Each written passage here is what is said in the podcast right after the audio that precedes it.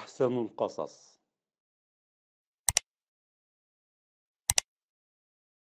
لما قال سيدنا إبراهيم لله تبارك وتعالى رب أرني كيف تحيي الموتى هل كان سيدنا إبراهيم صلى الله عليه وسلم يشك في قدرة الله تبارك وتعالى على إحياء الموتى؟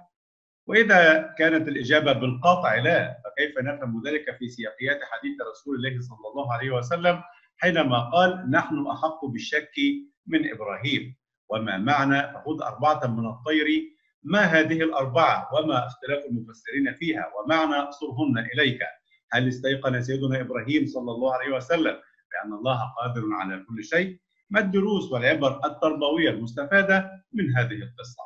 مشاهدينا الكرام السلام عليكم ورحمة الله وبركاته. أهلا بحضراتكم معنا إلى حلقة جديدة في برنامج أحسن القصص. نرحب بحضراتكم ومع نرحب بنا الكريم صاحب الفضيلة لعن العلامة فضيلة الشيخ الدكتور عمر عبد الكريم السلام عليكم ورحمة الله وبركاته. وعليك السلام ورحمة الله تعالى وبركاته. يا أهلا وسهلا. يا مرحبا. ربنا يرضى عليك.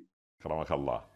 يعني وصلا بما سبق واستكمالا لقصة سيدنا إبراهيم عليه الصلاة والسلام وفيها من الدروس والعبر الكثير جدا قال سيدنا إبراهيم في آية بآيات القرآن الكريم ربي أرني كيف تحيي الموتى.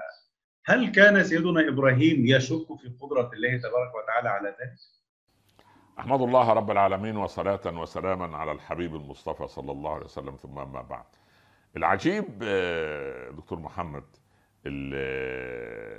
أو محمد يعني أنت تزعل لما أناديك بلقبك يعني أنت أنت ابني. بارك الله فيك. الله يرضى عليك. الله يرضى عليك.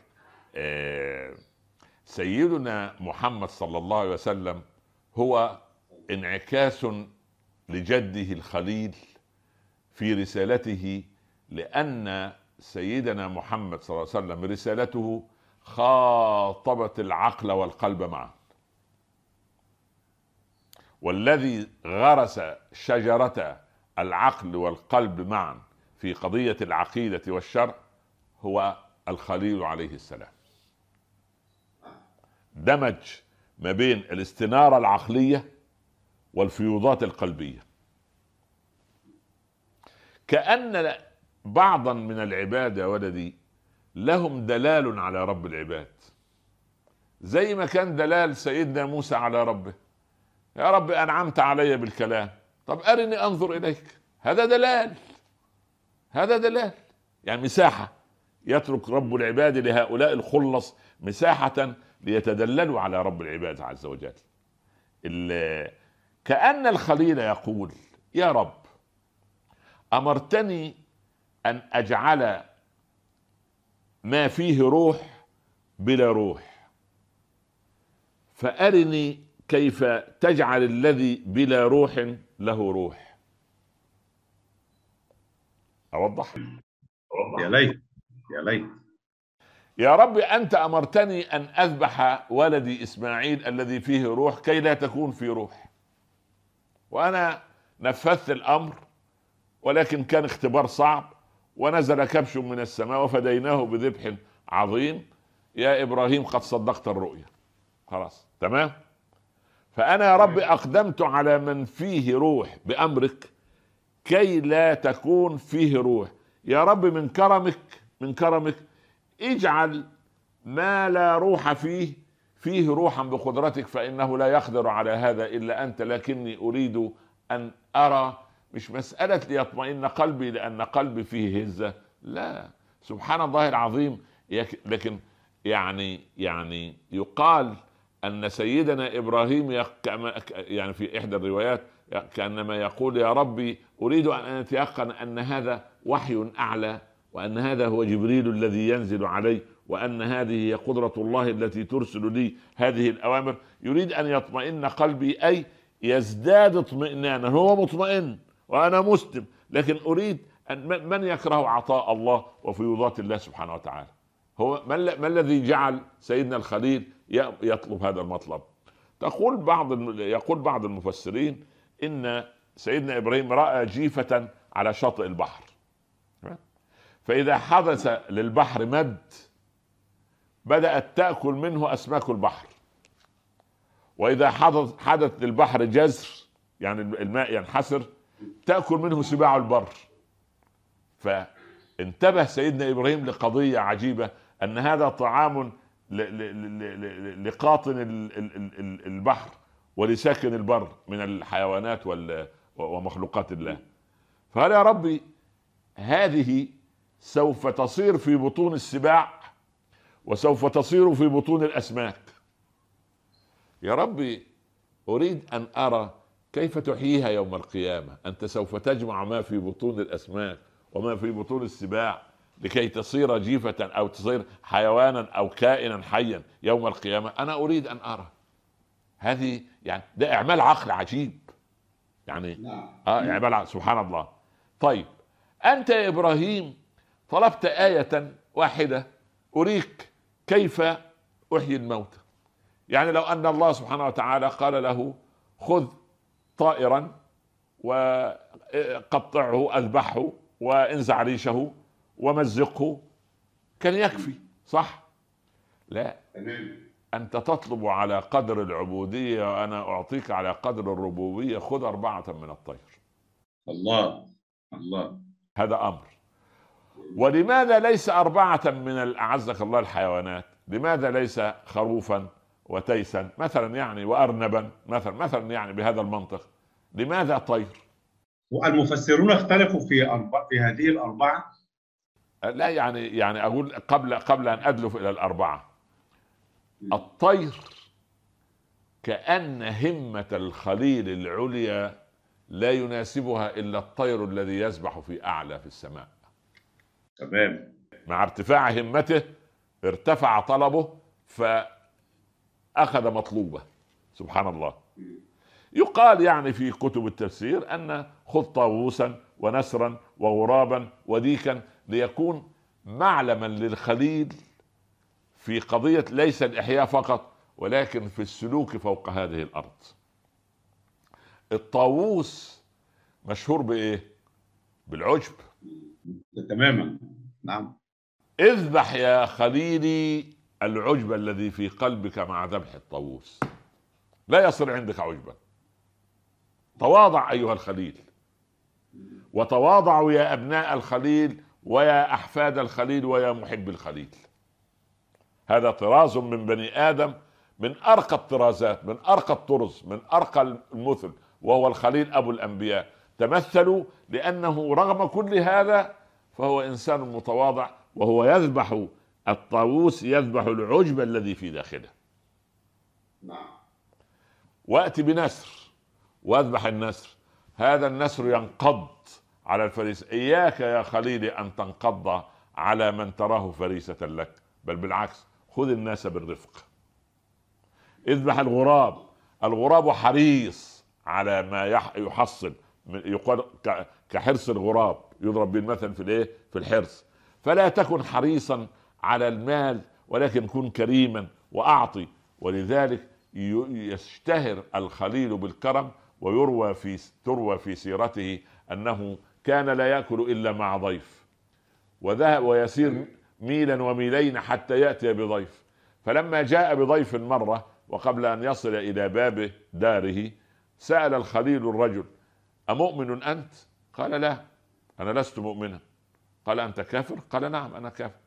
قال كافر يأكل في بيت الخليل فطرده. قال مع السلامة. فقال الله يا خليلي أبيت أن تضيفه في بيتك ساعة وأنا رغم كفره بي أضيفه في ملكي منذ أربعين سنة. سبحان الله. فلحق الخ... لحق الخليل بالضيف. قال له تعالى قال أما طردتني آنفا؟ قال عاتبني فيك ربي.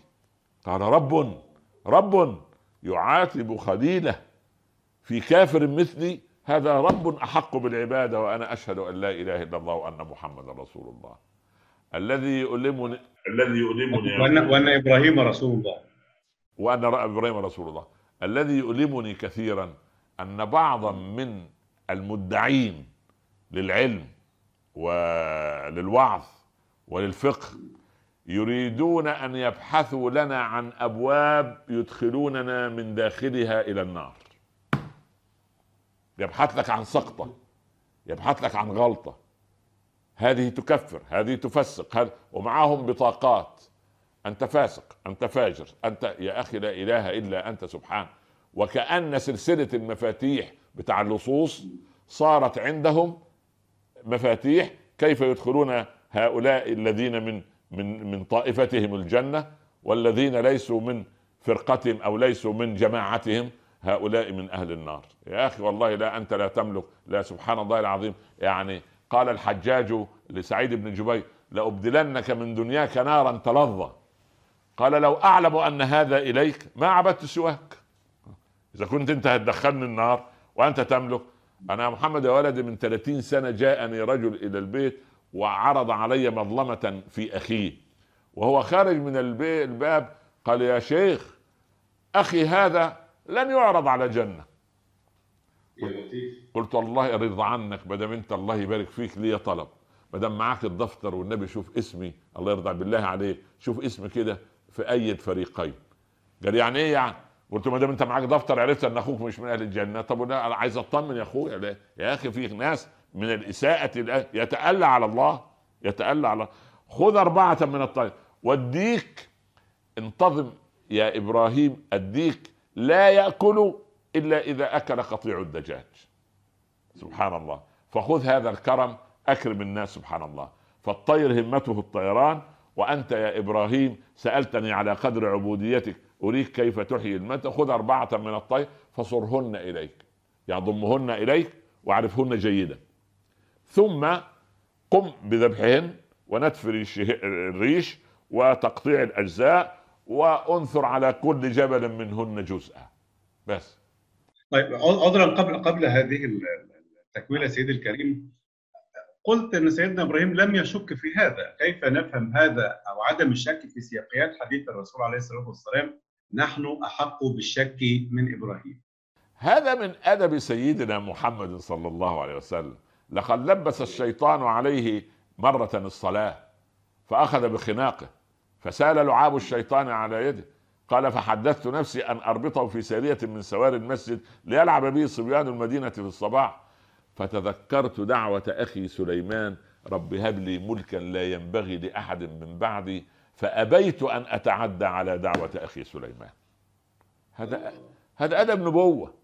هذا أدب نبوة. في نفس القضية نحن كنا أولى بالشك من عشان كي لا يساور أحد من الصحابة أن إبراهيم يتشكك في قدرة الله أو في الإحياء أو أو أو يقول حفاظا على هذا المقام السامي لجده الخليل عليه وعلى نبينا الصلاة والسلام نحن كنا أولى بالشك من إبراهيم. بس هي القضية هكذا. زي بالضبط يا ابني حديثه مع في يوم العيد مع مع النساء لما دخل يهنئهن بالعيد ويعظهن. قال يعني ما رأيت من ناقصات عقل ودين. سبحانه أذهب للب الرجل العاقل منكن بيهزر معاهم. فيقول لك الرسول قال أن أنتم ناقصات عقل ودي وبعدين في القرآن قال ان كيدكن يا عم مش القرآن اللي قال ان كيدكن القرآن قال نعم اللفظ آه ولكن دي على لسان العزيز. لما كان فاشل في حياته الزوجية وضعيف الشخصية قال إنه من كيدكن دايما الإنسان الضعيف يرمي التهم على غيره. ولا كيدكن ولا غيره. الله. نسأل الله السلام نعم. في قوله تبارك وتعالى الله عز وجل لما يقول سيدنا إبراهيم اولم تؤمن؟ قال بلى ولكن ليطمئن قلبي. يعني كما ورد في بعض كتب التفاسير سيدنا ابن عباس عليه رضوان الله قال ما في القرآن آية أرجى عندي منها؟ نعم. بمعنى ماذا ولكن؟ بمعنى ماذا؟ لا يعني يعني اسأل الله ما تريد واسأل الله واسأل في الدين ما تريد لأن الإسلام هو الدين الوحيد الذي يجيبك عن أي سؤال يجوز أو لا يجوز.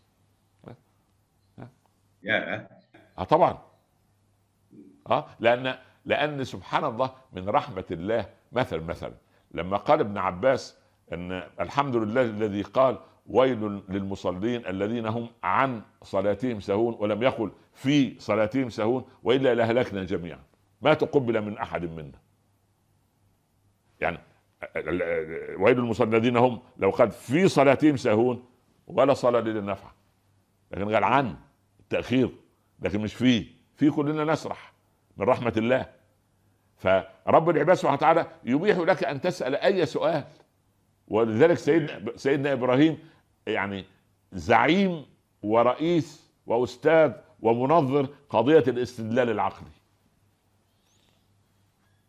طيب عشان هذا الموقف نفس نفس الموقف حدث مع العذير أو كالذي مر على قرية وهي خاويه على عروشها. قال أن يحيي هذه الله بعد موتها وك- وكان رجلا صالحا أو نبي أيضا. نبي من الأنبياء.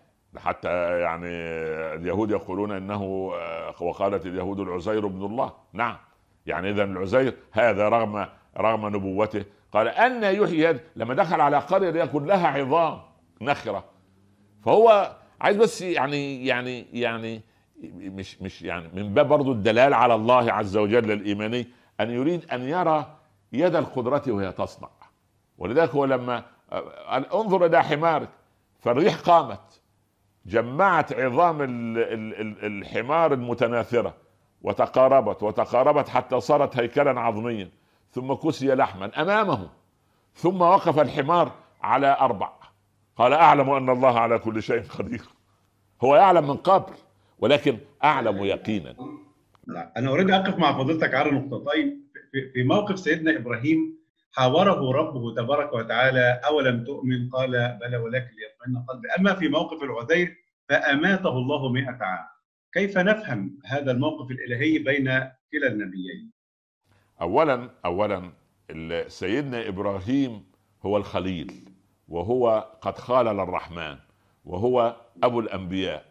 رب العباد سبحانه وتعالى أجابه لما طلب تمام؟ ولكن مع العزير كانت تجربة طويلة من مرت عليه مئة عام حتى يثبت ويتيقن العزير أن الله سبحانه وتعالى محيي الموتى. يعني كم لبثت؟ قال لبثت يوما أو بعض يوم. قال بل لبثت مئة عام. بس لبثت مئة. العجب في العزير. أن انظر إلى طعامك لم يتسنى. طعامك وشرابك لم يتسنى. كانت عروسه وضع أرسلت معه تينا ولبنا. الفاكهة دي بالذات لو بقيت للمغرب هتفسد. صح ولا لا؟ طبعا. والحليب ها اللبن ماذا يحدث له؟ ها نفس القضية. صح؟ مئة عام اللبن كما هو لبنا وت... لأن الله هو الذي يخلق خصائص الأشياء وهو الذي يوقفها وهو الذي يسلبها هي القدرة, القدرة هنا. تمام. فخذ فخذ أربعة من الطير فصرهن إليك. هل الرقم أربعة فيه دلالة معينة؟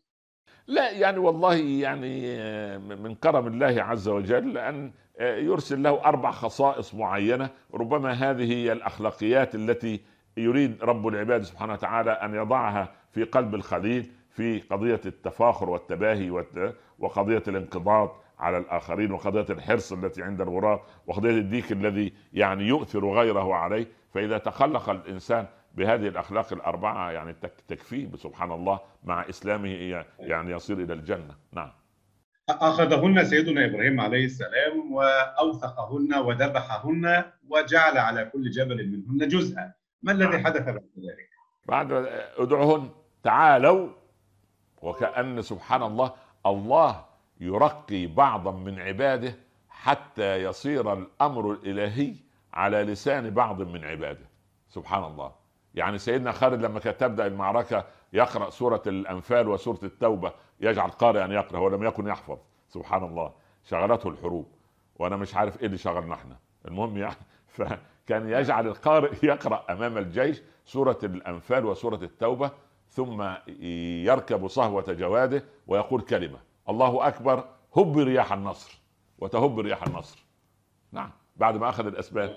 هي كده. لهؤلاء دلال العباد على رب العباد.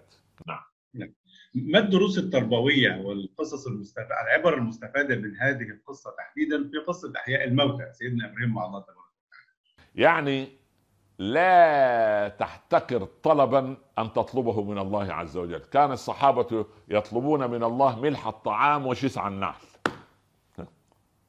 آه يقول يا رب ارزقني ثمن ملح الطعام. يقول يا معقول هذا دعاء؟ يا أخي سبحان الله. هو يعني الهواء الجوي سبحان الله. ما الناس بتموت من أزمة الكورونا عايزين شوية أكسجين. وهو اديله 70 سنة بيتنفس أكسجين مجاني.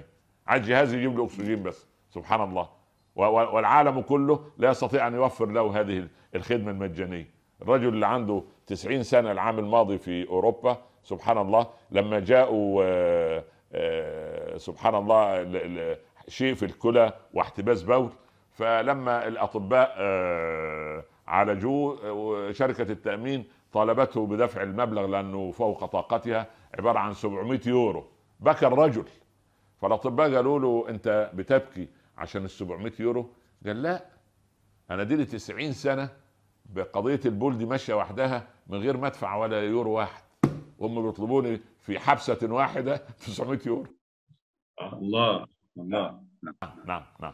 إذا يعني سيدنا إبراهيم ليه ليه وقفة كده اذا اذنت فضيلتك؟ وهو يقول آه، الله عز وجل يقول عنه وكذلك نور إبراهيم ملكوت السماوات والأرض. ما هو الملكوت وكيف رآه سيدنا إبراهيم صلى الله عليه وسلم؟